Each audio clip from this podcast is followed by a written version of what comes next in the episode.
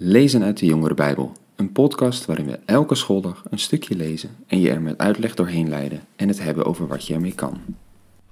Dag jongens en meisjes. Goed dat je weer luistert naar een nieuwe podcastaflevering. En deze week waren we aan het lezen uit een brief van Paulus aan de Romeinen in het vijfde hoofdstuk. Daardoor is het misschien wat moeilijker dan gewoon naar een mooi verhaal luisteren. Maar er staat heel veel in, in die paar versen die we al gelezen hebben. En er staat eigenlijk best heel veel praktisch in, wat we hebben aan het geloof. Wat de kern is waar die goede boodschap over gaat en over de grote vragen. Die komen ook langs in dit hoofdstuk. Dus ja, het is misschien ietsje moeilijker, maar ik denk wel dat het echt de moeite waard is om er doorheen te gaan deze week. Gisteren lazen we over wat dat geloof voor ons kan betekenen.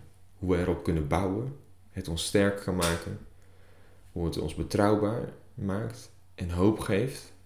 En dat die hoop niet te vergeefs is, want God heeft ons zijn geest en zijn liefde gegeven. En in het stukje dat volgt, wat we vandaag gaan lezen, vanaf vers 6, gaat Paulus eigenlijk verder uitleggen hoe God aan ons dan die liefde laat zien. Hoe hij aan ons laat zien dat hij van ons houdt. Want ja, ik heb dat zelf ook altijd iets heel geks gevonden. Als je erover nadenkt. God houdt van ons.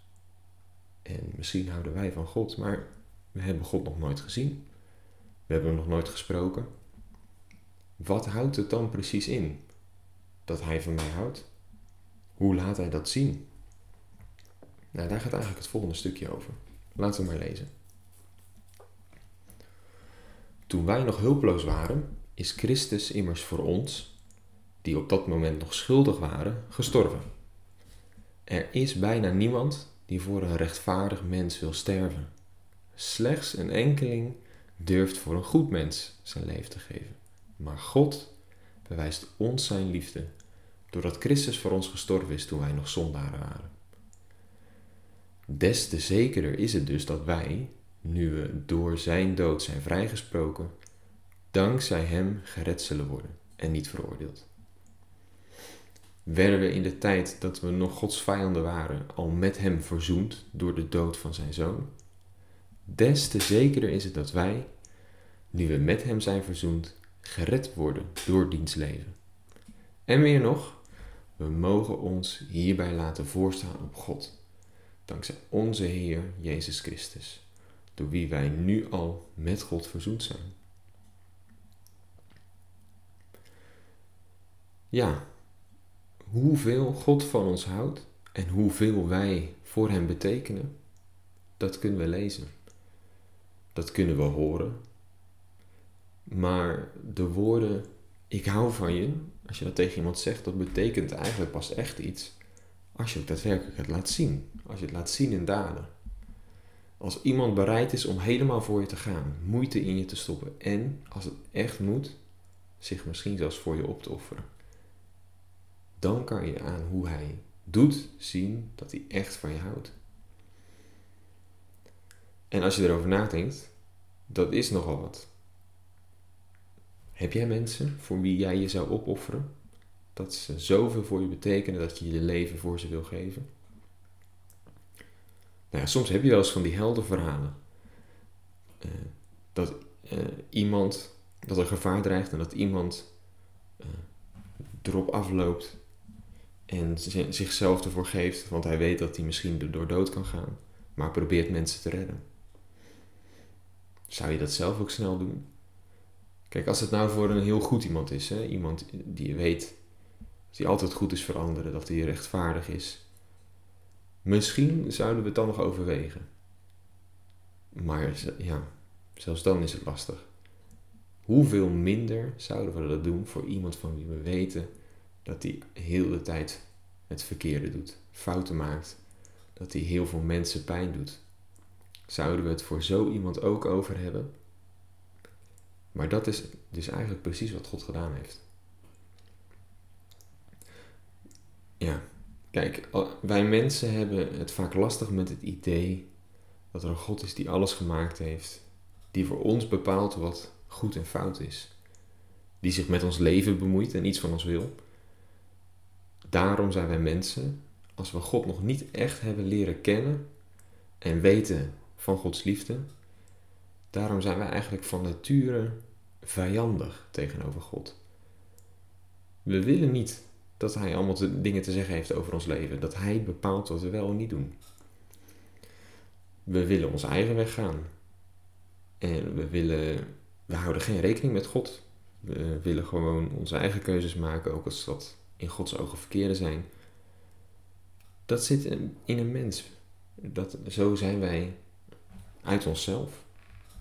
En daarom komt er dus een afstand tussen ons en God.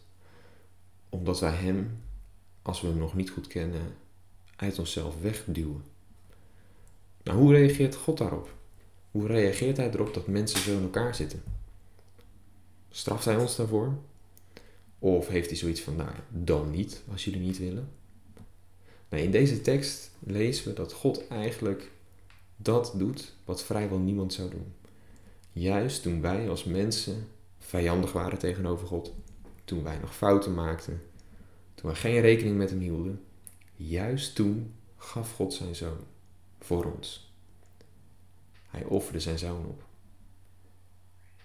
Waarom zou hij dat doen in hemelsnaam? Er staat zo mooi. God bewijst zo aan ons zijn liefde. Ja, dat is hoe we aan Gods daden kunnen zien dat Hij echt van ons houdt. En doordat Jezus voor ons stierf en opstond, hebben we niet alleen Gods liefde leren kennen, maar we hebben ook gelezen dat we zijn vrijgesproken van alles wat we fout doen. Gered van dit leven dat eindigt in de dood en in de fouten die we zelf maken. Gered van eh, wat er ons ook maar verweten kan worden. En we zijn verzoend met God. Nou, verzoenen, hè, dat betekent als twee partijen eerst vijanden waren en ze verzoenen zich met elkaar, dan worden ze weer vrienden. Dan komt de relatie weer goed. En eigenlijk betekent dat dus, door wat Jezus gedaan heeft, leren wij mensen die uit onszelf vijanden zijn tegenover God, we leren Gods liefde kennen. En er verandert iets in ons hart, zodat we niet meer vijandig zijn naar God toe. Dat is eigenlijk waar het paasverhaal over gaat. Heb je er zo ook wel eens naar gekeken?